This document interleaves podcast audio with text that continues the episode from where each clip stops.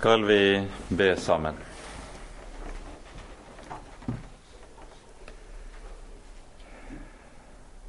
Kjære du vår Herre, du vår Gud og vår Far. Så er vi kommet sammen igjen for ditt ansikt. Og Herre, vi påkaller ditt navn. Herre, vi ber deg at du vil forbarme deg over oss og være hos oss med din egen hellige ånd. Herre, send din ånd og lukk opp ordet ditt, slik at vi kan få lære deg å kjenne, lære din kjære Sønn å kjenne, at vi også må få bli frelst. Herre, uten din ånd er alt vi holder på med, forgjeves. Og derfor ber vi, Herre, se til oss du og vær hos oss du, slik du har lovet det. Det ber vi for Jesus skyld, og takker og lover deg, Herre, fordi du er god, og din miskunnhet varer til evig tid. Amen.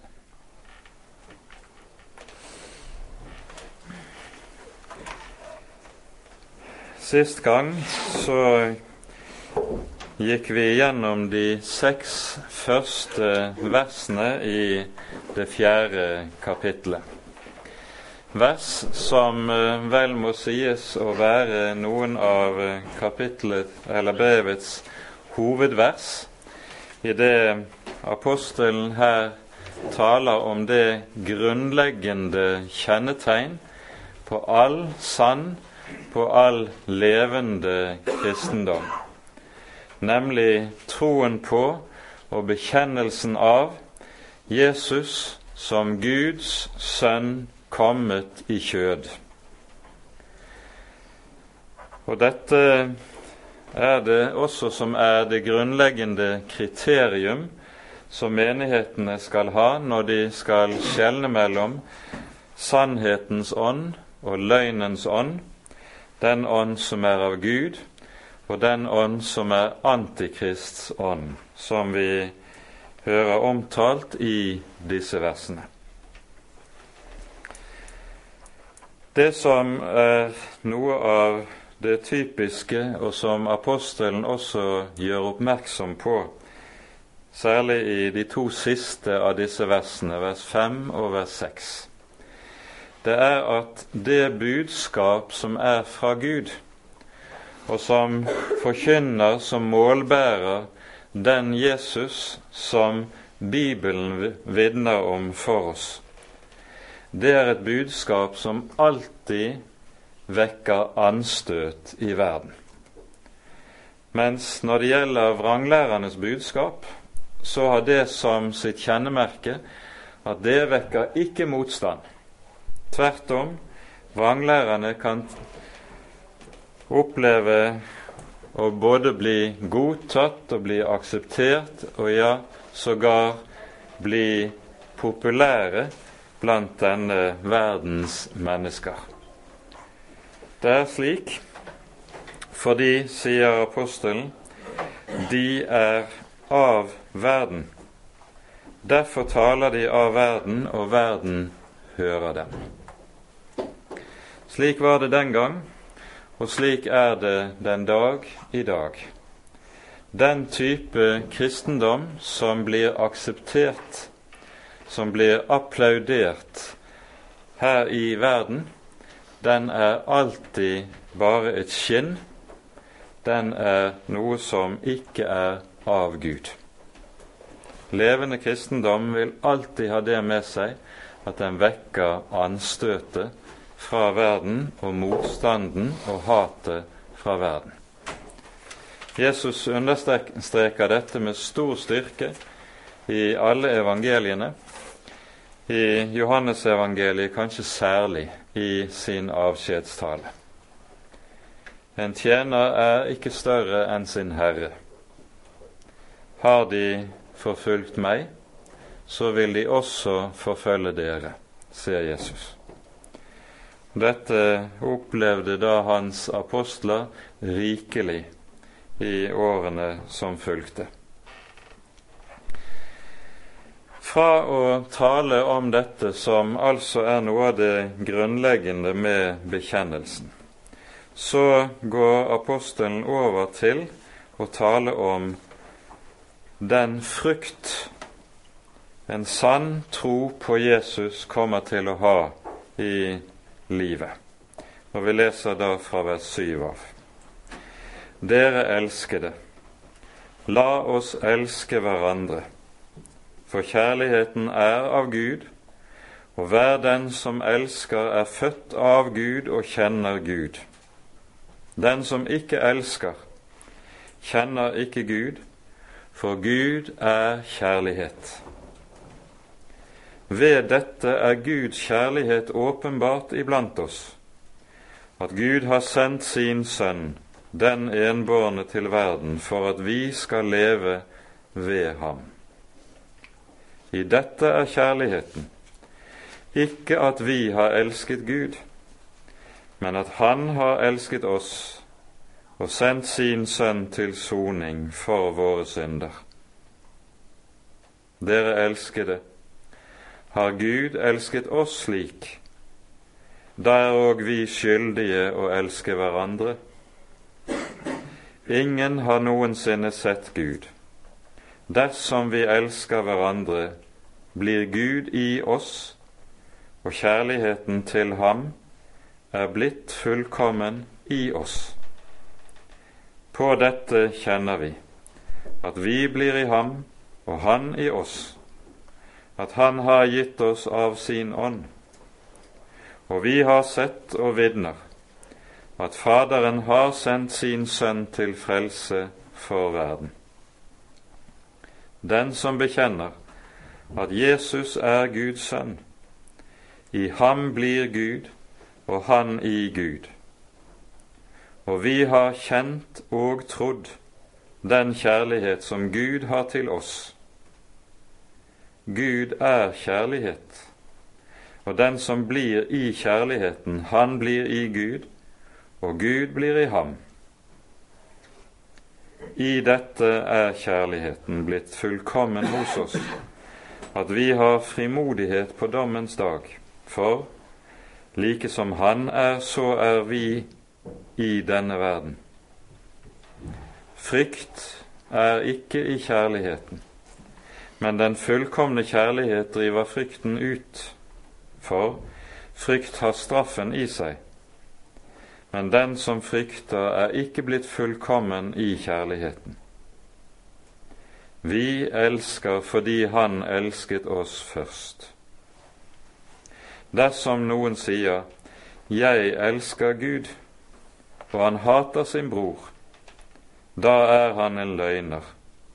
For den som ikke elsker sin bror, som han har sett, hvorledes kan han elske Gud som han ikke har sett? Og dette bud har vi fra ham, at den som elsker Gud, skal òg elske sin bror.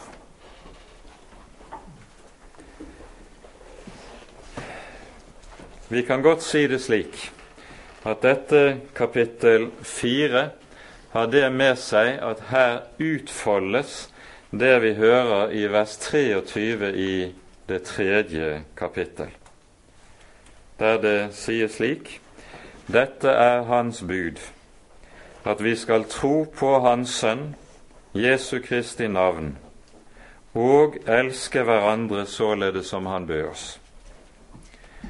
Første delen av verset er det apostelen da taler om i de seks første vers som vi har talt om, mens andre del av verset er det apostelen så tar opp i det følgende, i det som er dagens avsnitt.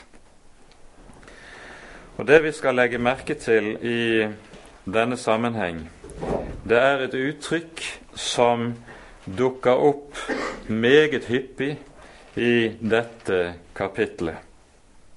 Det sies 'av Gud'. Kjærligheten er av Gud. Den som elsker, er født av Gud. I de foregående vers hører vi Prøv åndene om de er av Gud. Hver ånd som bekjenner at Jesus er Kristus kommet i kjød, er av Gud, osv. Dette uttrykket 'av Gud' dukker opp på ny og på ny gjennom kapitlet. Og det er grunnleggende viktig. For det som med dette pekes på og understrekes for oss, er det avgjørende. Hva er det som er kilden for livet, for kjærligheten, for bekjennelsen, for troen? Jesus har sammenfattet noe av det som ligger i dette uttrykket i samtalen med Nikodemus, der det står slik i Johannes 3,6. Det som er født av kjødet, er kjød, og det som er født av Ånden, er ånd. Og Hele poenget med Jesu måte å uttrykke seg på her er at det som er født av kjødet, det er noe som er vesensfremmed for Gud, helt uavhengig av hvorledes det ser ut rent ytre betraktet. Om det ser stygt, heslig, ondskapsfullt ut, eller om det ser pent, borgerlig og tilsynelatende godt ut, det er i og for seg av underordnet betydning. Kommer det fra kjødet, da er det ikke av Gud, og det hører med til det som et menneske må frelses fra. Et menneske må nemlig ikke bare frelses fra det som er våre såkalte vonde gjerninger, der vi i ytre forstand ser at vi bryter Guds bud. Men vi må i like stor grad også frelses fra det som Paulus kaller for våre lovgjerninger, som ikke er noe annet enn det gamle menneskets forsøk på å dressere seg selv til å oppfylle Guds hellige lov. Kilden ligger hele tiden i selve, i kjødet, og da vil det aldri kunne være Gud til behag. Det som er født av kjødet, er kjød. Og så motsatt. Det som er født av Ånden, er ånd. Det er altså noe som er født ovenfra, som er av Gud, som apostelen taler om her. Og Det er det som er hemmeligheten med det kristne liv. Det settes ord på dette i den 87. salmen, der det frelste Guds folk synger slik Alle mine kilder er i deg. Det er nettopp hemmeligheten med det salige livet, det å være et frelst menneske. Alle kilder er i Herren. Det kommer ikke fra oss selv. Derfor er spørsmålet når det gjelder alt som vi har for oss når det gjelder åndelige spørsmål, det som har i Guds rike, det er aldri dette hvorledes ser det hele ut ytre sett. Om det ser pent og framt ut ytre sett, det er i og for seg av underordnet betydning. Spørsmålet er er det av Gud, eller er det det ikke? Det er grunnspørsmålet. Og så er det nå at apostelen peker på det livet som er av Gud, og som har sin kilde i Gud. La oss elske hverandre. For kjærligheten er av Gud, og hver den som elsker, er født av Gud og kjenner Gud. Her minner vi bare om at den kjærlighet som apostelen taler om i denne sammenheng, det er den kristne broderkjærligheten. I denne sammenheng er det ikke tale om nestekjærlighet i allmenn forstand. Det er, holdt jeg på å si, noe som er en selvfølge for apostelen, dette at et kristent menneske skal elske alle og enhver. Han skal elske sin neste. men den kristne broderkjærlighet. Det er denne som er det særlige kjennetegn på og den særlige frukt av at troen på Jesus har fått rom i hjertet. Vi har talt om dette også i forbindelse med kapittel 3, og minner bare om at dette er noe som skjer som en avgjørende omskiftning når et menneske blir frelst og kommer til troen. Før et menneske er en kristen, så vil det synes det er en plage å være sammen med kristne mennesker. De kristne de oppfattes som dømmesyke, og de er aldri liksom med på alt det som en da synes er moro og kjekt å holde på med. Og Derfor har en ikke verken særlig trang til eller glede av å være sammen med kristne mennesker. Men så blir en et frelst menneske. En får lov til å komme til tro på Jesus, lære ham å kjenne. Og Da vil det med en gang bli slik at det blir en hjertetrang for en å være sammen med Guds folk, å være sammen med andre kristne. Dette er en omsnuing som en kanskje ikke synes å legge noe særlig bredt på. Men dette er uhyre betydningsfullt, for dette vitner om at her er det skapt en levende tro. For det å være en kristen, det er å bli et lem på legemet. Du hører sammen med Han som du er et lem på Kristi legeme. Kristus er hodet. Men som lemmer hører vi som kristne sammen. Og det blir en seg bevisst når en kommer til troen. Og Det er altså denne slags kjærlighet som apostelen her taler om i brevet i vår sammenheng. Vi skal bare også minne om en annen viktig sak når det gjelder det vi hører i vers 7. Nå møter vi ikke ordet formaning, eller begrepet formaning, her i Johannesbrevet. Det er et begrep som vi ofte møter hos apostelen Paulus. Men her skal vi bare peke på at det greske ordet som vanligvis i Det nye testamentet oversettes med ordet formaning. Det har en annen sidebetydning som hører med til det, og som antagelig er vel så viktig. Det betyr oppmuntring. Når vi nemlig leser dette ordet formaning, så er det alltid slik at vi umiddelbart har pekefingeren i tanke. At det er det som ligger bak når det skal formanes. Men slik er det ikke i Det nye testamentet. De nytestamentlige formaninger de er først og fremst oppmuntringer som Herrens apostel gir til menigheten. Det er et helt annet klangbilde, en helt annen klangbunn enn pekefingeren som ligger bak.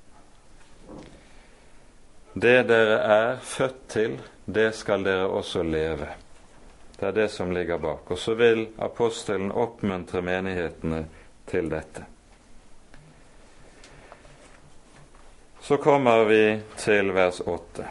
Den som ikke elsker, kjenner ikke Gud. For Gud er kjærlighet. Og her møter vi et av de helt sentrale ord i Den hellige skrift som taler om hvem vår Gud er. I Johannes skrifter så møter vi tre slike utsagn som sier 'Gud er'. I første Johannes brev så sies det i første kapittel 'Gud er lys', og det er intet mørke i ham. Dette har vi vært inne på. Så hører vi her i kapittel 4 to ganger sies det Gud er kjærlighet. Og så i Johannesevangeliet sies det også i det fjerde kapittel Gud er ånd, og derfor vil han også tilbes i ånd og i sannhet. Dette er de tre Gud er-utsagn som man møter i Johannes-skriftene. Ganske særlig i første Johannesbrev er det viktig at vi holder sammen disse to. Gud er lys, og Gud er kjærlighet. For når det taler om at Gud er lys, det har vi vært inne på, så er det tale om at Gud er den hellige. Og I våre dager er dette av største viktighet å understreke. For altfor ofte hører vi det i våre dager tale slik om Guds kjærlighet at det samtidig settes en tykk strek over at Gud er hellig. Dette er noe en ikke kan gjøre med Bibelen i behold. Gjør en det, slik at en fornekter Guds hellighet ved hjelp av talen om Guds kjærlighet, da fornekter en også dypest sett Gud. For det som kjennetegner denne Guds kjærlighet, det er at den Gud er hellig i sin kjærlighet, og han er kjærlig i sin hellighet. Gud er nemlig én.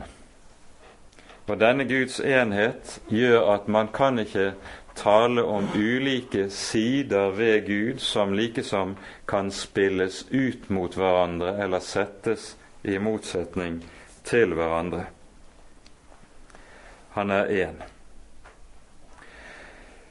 Dette som vi her har vært inne på, nemlig at kjærligheten, talen om Guds kjærlighet, brukes til å fornekte Guds hellighet, det møter vi i våre dager, ikke minst på en slik måte at en bruker kjærlighetsbudet på en slik måte at en opphever de øvrige Guds ti bud. Det viktigste er at vi elsker hverandre.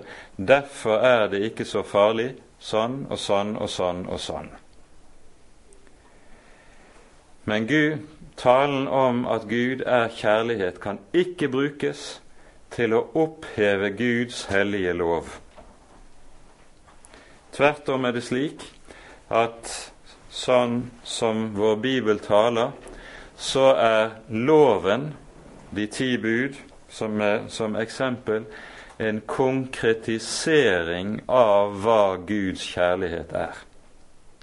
Dette sies uttrykkelig i Romerbrevet i det 13. kapittel. Og dette er et uhyre sentralt avsnitt.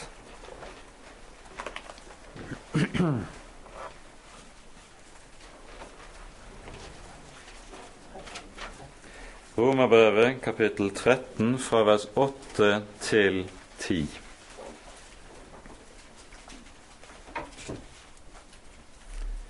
Bli ingen noen, noe skyldig uten det å elske hverandre, for den som elsker den annen, har oppfylt loven. For det ord du skal ikke drive hor, du skal ikke slå i hjel, du skal ikke stjele, du skal ikke begjære, og hva annet bud det kan være, det samles til ett i dette ord. Du skal elske din neste som deg selv. Kjærligheten gjør ikke nesten noe ondt. Derfor er kjærligheten lovens oppfyllelse. Det er altså så langt fra slik at kjærligheten setter loven ut av kraft, som det tvert imot altså er på det vis at kjærligheten oppfyller Guds hellige lov og stadfester og bekrefter hva som er lovens hensikt, innhold og mening. Samme sak er det vi også møter i det kapittelet som i første Korinterbrev som kalles for kjærlighetens høysang.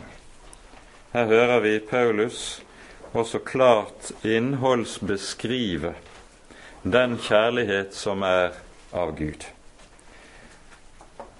Her leser vi bare et utsnitt fra vers fire av. Kjærligheten er langmodig, er velvillig. Kjærligheten bærer ikke avvind, den skryter ikke, den oppløses ikke, den gjør intet usømmelig.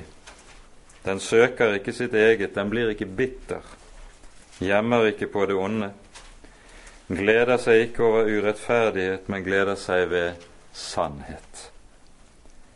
Alt dette beskriver tydelig og klart hva som ligger i det bibelske talen om kjærligheten. Det området som i våre dager ganske særlig jo står under angrep, det er jo det som har med det sjette bud å gjøre. Og ganske særlig på dette området tales det om Guds kjærlighet, og om den kristne kjærlighet, som om det ikke var så farlig hvordan en levde i forhold til det sjette bud.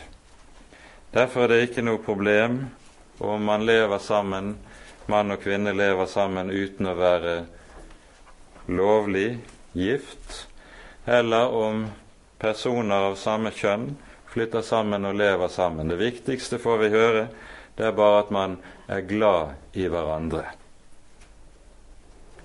Apostelen, når han taler om kjærligheten, så sier han kjærligheten gjør intet usømmelig. Kjærligheten driver ikke hor. En kan ikke bruke ta, Bibelens tale om Guds kjærlighet til å fornekte Guds hellige lov. Det er å misbruke Guds ord, og dypest sett er det også å fornekte Gud selv.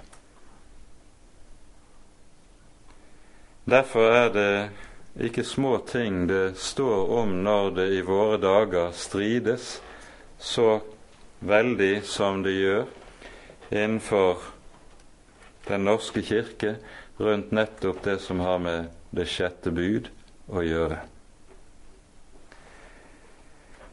Dette er viktig å merke seg. Det annet som vi skal merke oss når det sies som vi her hører Gud er kjærlighet, så er det et utsagn som er umulig dersom ikke Gud var en treenig Gud. Kjærlighet er nemlig noe som utelukkende kan finnes mellom personer. Det er et jeg som står overfor et du. Og når en beskriver forholdet mellom disse to, jeg og du, som kjærlighet, så er det en beskrivelse av et personforhold, en personrelasjon. Når det sies 'Gud er kjærlighet', så er det fordi Bibelen åpenbarer Gud for oss som Faderen og Sønnen og Ånden. Faderen elsker Sønnen og viser ham alt hva han gjør, sies det i Johannes evangeliet. Sønnen elsker Faderen. Ånden elsker Sønnen og åpenbarer Sønnen. De tre personene i Gud lever i et innbyrdes forhold seg imellom som beskrives ved hjelp av ordet kjærlighet. Og så sier Skriften Gud er kjærlighet. Og her sier Jesus i sin ypperste prestelige bønn noe som er så stort, så dypt, at vi kun så å si bare kan se og fornemme fliken av hva det vil si dypest sett å være en kristen. Johannes 17, vers 26.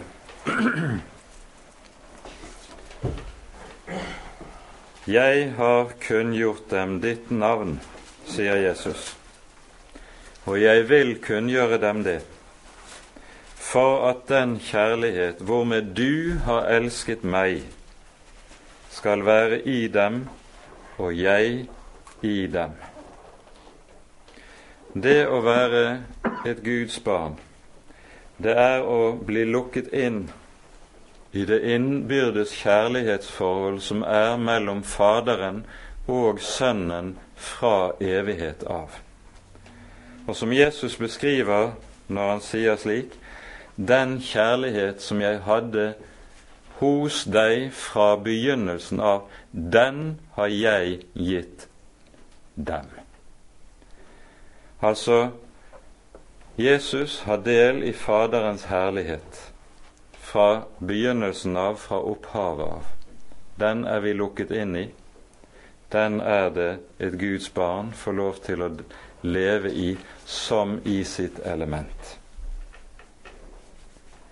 Vi kan overfor dette bare si dette er for stort til at vi kan gripe og begripe det. Men Jesus taler om det og vitner om det. Det å være en kristen er å leve i dette innbyrdes kjærlighetsforhold mellom Faderen og Sønnen og lukkes inn i det. Gud er kjærlighet. Denne kjærlighet er noe som åpenbares, sier apostelen i det neste verset. Ved dette er Guds kjærlighet åpenbaret iblant oss, at Gud har sendt sin Sønn, den enbårne, til verden for at vi skal leve ved ham. For det første merker vi oss at det sies denne kjærlighet er noe som åpenbares. Den er nemlig skjult. Hemmeligheten, mysteriet, i at Gud er tre personer, men én Gud. Det åpenbarer Skriften for oss, og med det så åpenbarer den også at han er kjærlighet. Hvordan åpenbarer Gud denne hemmelighet? Det sies her ved dette. På et bestemt sted i historien i virkelighetens verden ved en bestemt person og på en bestemt måte gjennom en bestemt handling som Gud utøver i historien, der åpenbarer Gud sin kjærlighet, nemlig på korset som sto på Golgata. Dette er overmåte sentralt og det er helt avgjørende å ha klart for seg. Skal man tale sant og rett om Guds kjærlighet, så må man tale om korset. Å tale om Guds kjærlighet uten å tale om korset,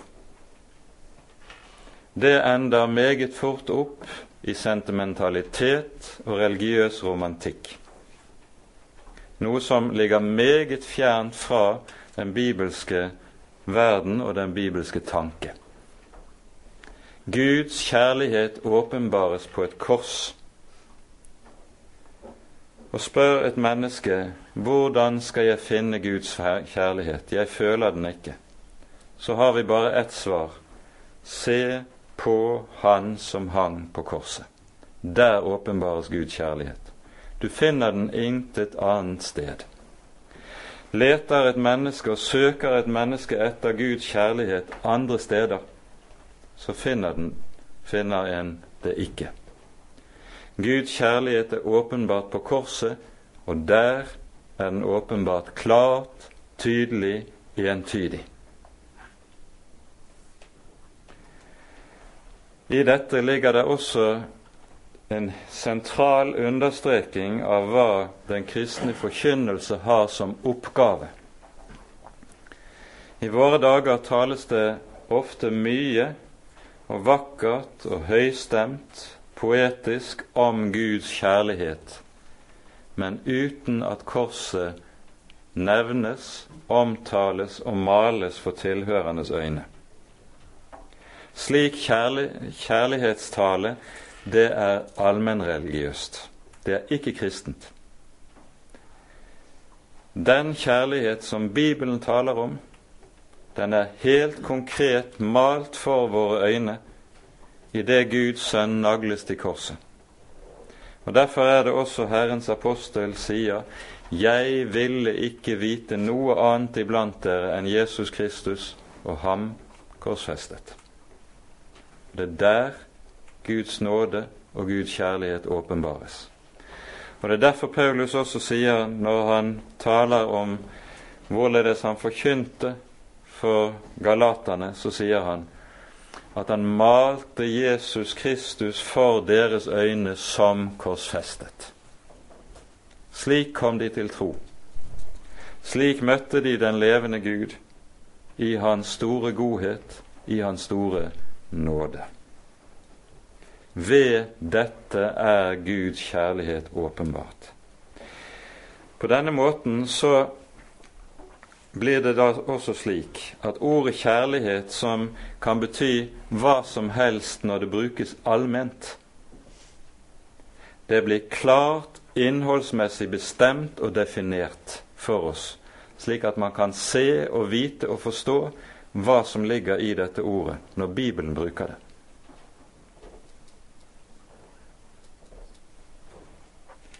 Ved dette er Guds kjærlighet åpenbaret iblant oss. Og så ser vi hva som ligger i Bibelens tale om kjærlighet. Bibelens tale om kjærlighet er uløselig knyttet til det som heter offeret. Kjærligheten har det med seg at den ofrer seg selv. Det er den bibelske kjærlighet. Den ofrer, den gir seg selv. Slik møter vi den hos Herren Jesus. Og her møter vi det som er selve det store under over alle under. At det ikke er et menneske som gir seg selv for et annet menneske, men det er Gud som gir seg selv og ofrer seg selv for mennesket. Og for hva slags mennesker? For gode, for fromme, for dydige, for slike som har gjort sitt beste? Nei, for ugudelige, for onde, for urettferdige, for utakknemlige. Det er for slike han gir seg selv. Og nettopp på denne måten så avsløres det hva som ligger i Guds kjærlighet. Han er en Gud som ofrer seg selv for sin skapning. Å forstå dette er forunderlig. Tenk deg at du sitter ute i skogen en varm sommerdag. Der kommer en mygg og slår seg ned på armen din, og du klasker til, og så er du kvitt den. Den var jo bare til plage. Hva har vi vært for den levende Gud? Annet enn til plage. Du har bare trettet meg, du har bare plaget meg med dine mange misgjerninger. Og hver og en av oss er mindre enn en mygg i sammenligning med Han som er den levende og den veldige Gud. Men i stedet for å klaske til oss så han er ferdig med oss, velger han å dø for disse plagsomme mygg. Velger han å gi seg selv og sitt eget liv for vår skyld. Det er underet i Bibelens tale om hvem den levende Gud er, og hva hans kjærlighet er. Ved dette er Guds kjærlighet åpenbart iblant oss eller som Paulus skriver det i Romerbrevet Gud viser sin kjærlighet mot oss derved at Kristus døde for oss mens vi enda var syndere. Det underet at han er villig til å dø, villig til å gi seg selv for slike. Og så lyder det som er følgesetningen for at de skal leve ved ham. For det er det kristne liv. Her tales det nemlig ikke bare om at vi skal få det evige liv sånn allment ved troen på Jesus i kraft av hans offer. Men her er det tale om at det liv vi lever her i verden, her i tiden, det lever vi ved ham. Jeg lever ikke i kraft av meg selv, i kraft av det jeg selv kan få til å gjøre eller være som kristen. Jeg lever ved ham. Derfor sier Paulus i Galaterbrevets andre kapittel Jeg er korsfestet med Kristus. Jeg lever ikke lenger selv, men Kristus lever i meg. Og det liv jeg nå lever i kjødet, det lever jeg i troen på Guds sønn som elsket meg og ga seg selv for meg. Å være en kristen, det er å leve ved Jesus, i kraft av ham. Ikke i kraft av egen anstrengelse, ikke i kraft av å prøve å selv å oppfylle loven. Det er å leve ved ham. Og derfor er det vi i Johannesevangeliet hører Jesus, Jesu gjentatte Bli i meg. Bli i meg. Så bærer dere megen frukt. I dette er kjærligheten, ikke at vi har elsket Gud, men at Han har elsket oss og sendt sin Sønn til soning for våre synder. Når Gud har villet vise en slik kjærlighet, så er dette ikke en respons på at vi mennesker har tatt initiativet og prøvet å gjøre vårt beste, og så kommer Han oss i møte. Nei, alt begynner hos ham, også her. Det er han som må begynne å søke etter et menneske som er på flukt fra ham. Det er han som tar tak og begynner, og han heter derfor også Begynnelsen. Jeg er begynnelsen, er hans navn. Og det gjelder ikke bare om skapelsen, det gjelder like mye i frelsen.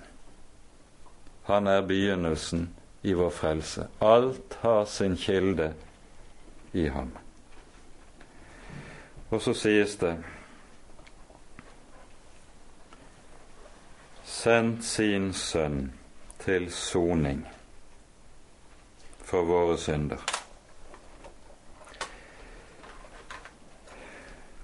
I dette beskrives det grunnleggende i hva frelsen er.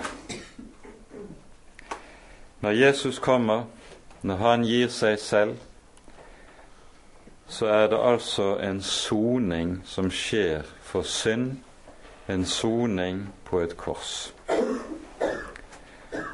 I det ligger det også hva Guds nåde er. Guds nåde består ikke i at Han godtar meg som jeg er. Det sies av og til i våre dager, og det er en misforståelse av Bibelens tale om Guds kjærlighet. Gud elsker meg som jeg er men han godtar meg ikke som jeg er. Tvert om, han frelser meg fra det jeg er. For det er det som skjer i soningen. Det at Jesus dør for oss til soning for vår synd, det betyr altså at han redder og frelser og frir meg fra alt det jeg er i meg selv. Og den kristne frigjøring består nettopp i fri, en frigjøring fra selve. Det er det som er den grunnleggende frigjøring. Evangeliet er altså ikke et budskap om Guds alminnelige aksept, men et budskap om soning for synd. På ny er vi med dette midt inne i mye av den debatt og den vranglære som reiser hodet i, innenfor dagens kristenhet. Vi møter det særlig på to konkrete områder i dag. For det første hos en rekke som ønsker å ha synsbekjennelsen bort fra innledningen i gudstjenesten. Dette begrunnes med at et menneske må jo ikke få oppleve å komme til Guds hus og bli møtt med noe så negativt og fordømmende. Det viser for det første at man ikke har forstått hva synsbekjennelsen er. Det er jo en gave. Dersom vi bekjenner våre synder, så forlater han syndene. Det er en gave å få legge det av seg. Men for det andre så møter vi det også i de røster som ønsker, har ønsket å endre dåpsliturgien, der det skal tas ut ordene om at barna er født under menneskeslektens synd og skyld og er underlagt syndens og dødens makt. Fy, tenk å si noe slikt om de uskyldige små barna. Den slags vil man ikke høre. Men her må vi si dersom vi ikke er syndere, da er Jesus heller ingen frelser. Dersom man tar bort dette grunnleggende, sannheten om hvem vi er og vår, og vår synd, vår iboende skyld, så opphører Jesus å være en frelser for oss. Da blir det vi har lest her i 1. Johannes 4 meningsløst. Sendte sin sønn til soning for våre synder. Da blir det slik som Paulus også skriver i Galaterbrevet i det andre kapittel. Dersom rettferdighet er å få ved loven, da er jo Kristus død forgjeves. Dersom jeg ikke er en synder, dersom jeg kan etablere en egen rettferdighet gjennom egen anstrengelse, dersom jeg selv er uskyldig, da hele dette veldige offer, der Gud gir seg selv til menneskets frelse, det forgjeves. Noen større gudsbespottelse finnes ikke enn å si at det at Gud ga så meget, det er ingenting verd, for jeg klarer meg selv.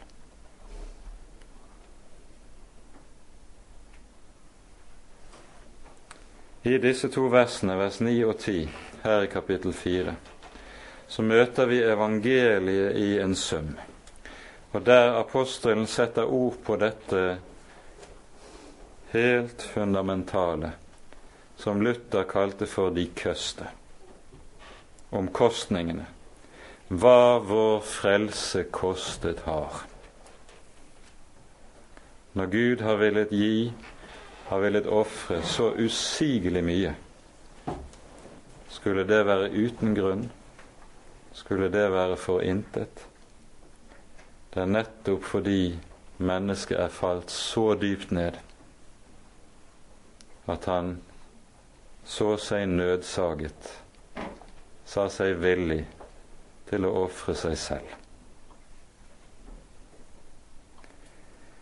Det at Gud gir seg selv i døden for vår skyld, det er den kristne tros store under. Og som en kristen aldri, aldri, aldri må bli ferdig med å undre seg over og takke Gud for at han var villig til å gi så usigelig mye. Det er der vi har vårt liv. Det er der kilden til alt annet ligger.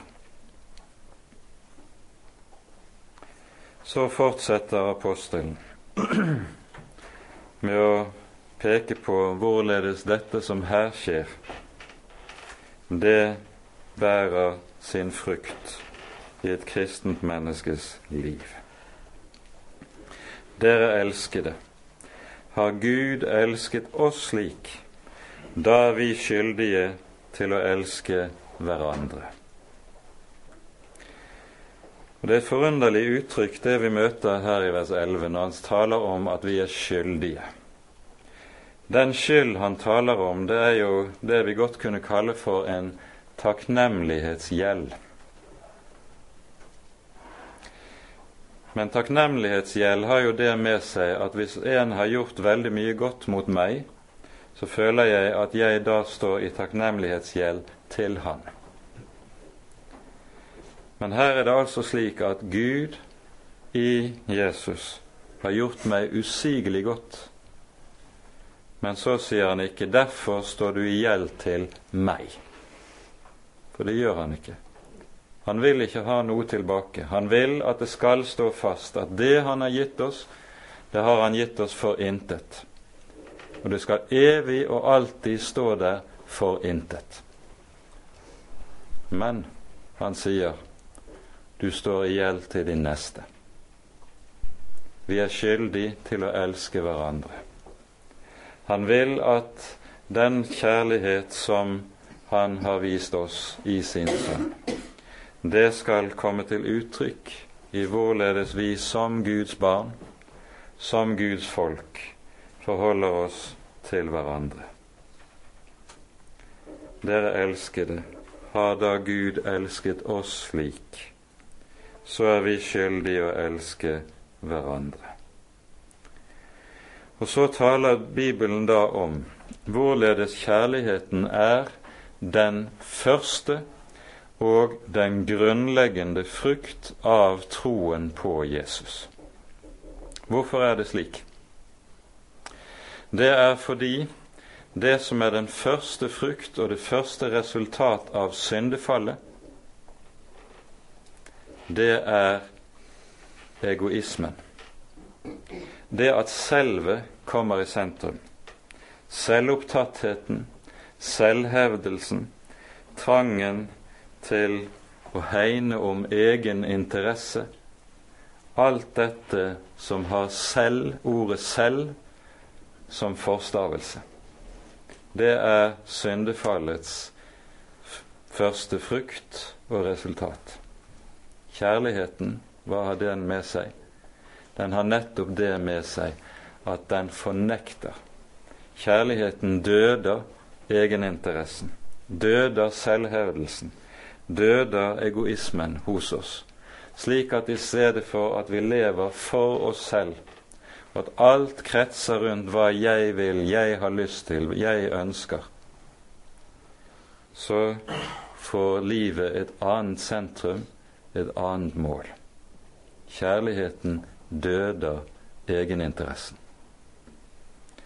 Derfor er kjærligheten den første frukt av dette offer som vi har fått lov til å få ta imot.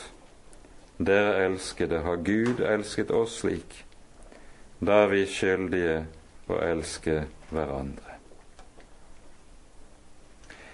Så fortsetter apostelen, ingen har noensinne sett Gud. Dersom vi elsker hverandre, blir Gud i oss, og kjærligheten til ham, her står det bokstavelig, hans kjærlighet er blitt fullkommen i oss. Dette ordet kan lett virke slik at det kan være både trellbindende og ta frimodigheten fra noen enhver. For hvem av oss kan si at kjærligheten er fullkommen i oss? Men da skal vi være klar over at det ordet som brukes i grunnteksten, det er et uttrykk som betyr at kjærligheten har nådd sitt mål. Guds kjærlighet, som Han har vist oss, har siktet mot et bestemt mål, nemlig at jeg ikke lenger lever for meg selv. Og det er dette mål som nå virkes gjennom dette. Og så skapes altså denne kristne søskenkjærlighet som frukt av evangeliet. Så kommer det et innskudd i fortsettelsen som går fra vers 13 til 16. der apostelen likesom griper tilbake til det vi har hørt i innledningen til kapitlet. Der det taler om troen, bekjennelsen, sannheten om Herren Jesus som Guds sønn kommet i kjød. Og Det vi da skal være oppmerksom på som ligger i dette, det er dette at vi har meget lett for, og vi kan ofte høre det også det i våre dager, at kjærligheten og troen spilles ut mot hverandre. Én ting er dogmatikken, det er tørre tanker og tørre læresetninger. Noe helt annet er livet og virkeligheten. Og så plasserer man det i to adskilte båser med høye skillevegger imellom. Men det som er poenget, slik som apostelen her skriver, det er at troen og kjærligheten hører uløselig sammen. Troen på at Jesus er den han er. Det er nettopp denne tro som skaper den frukt, den kjærlighet som apostelen taler om og beskriver. Derfor hører troen og kjærligheten, sannheten og kjærligheten, uløselig sammen.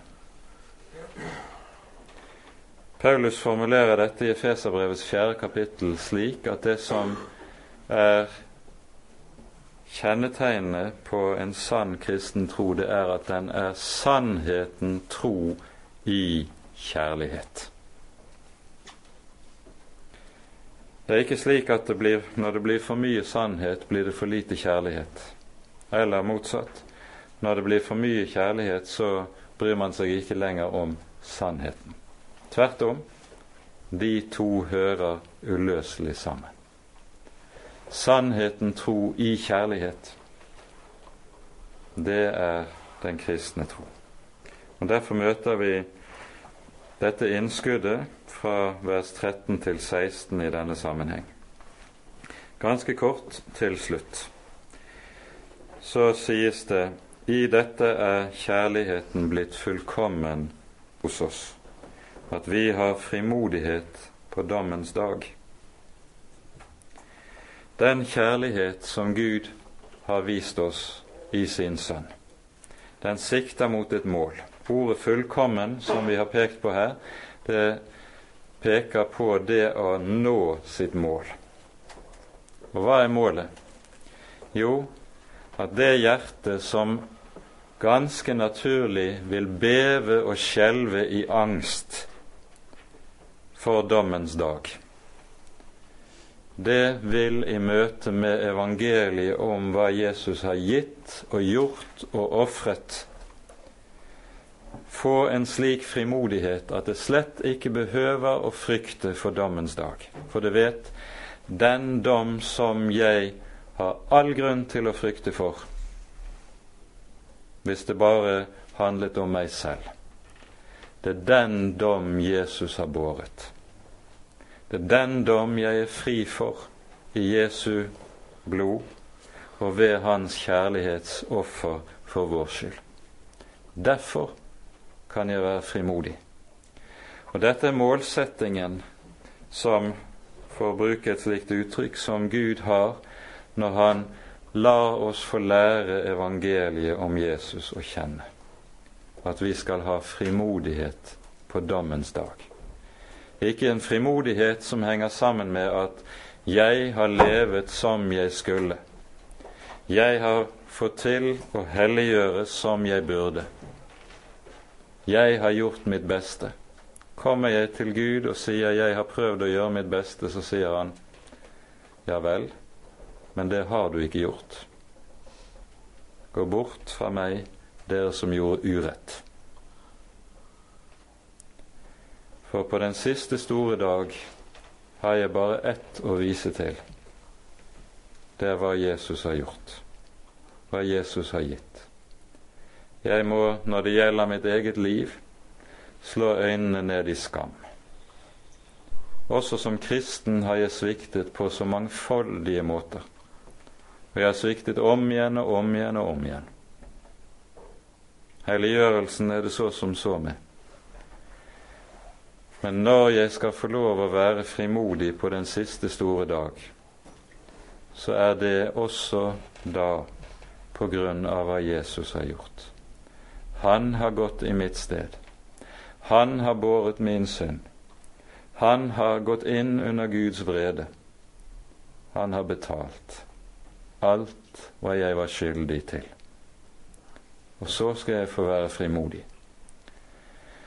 Da behøver en kristen ikke verken å frykte for dommen eller for døden eller for helvete eller for noen annen makt, fordi han vet det Guds sønn har gjort, det offer er så stort, det er så dyrebart, at det er fullt ut tilstrekkelig til å leve på og til å dø på. Begge deler. Og I dette ligger det en viktig hemmelighet når det gjelder alt sant kristent liv. En kristen kan ikke leve på noe annet grunnlag enn han skal dø på. Og han kan ikke dø på noe annet grunnlag enn det han kan leve på. Jesus alene. Jesu død, Jesu kors alene det holder i liv og i død. Amen. Ære være Faderen og Sønnen og Den hellige ånd, som var og er og være skal, en sann Gud, høylovet i evighet. Amen.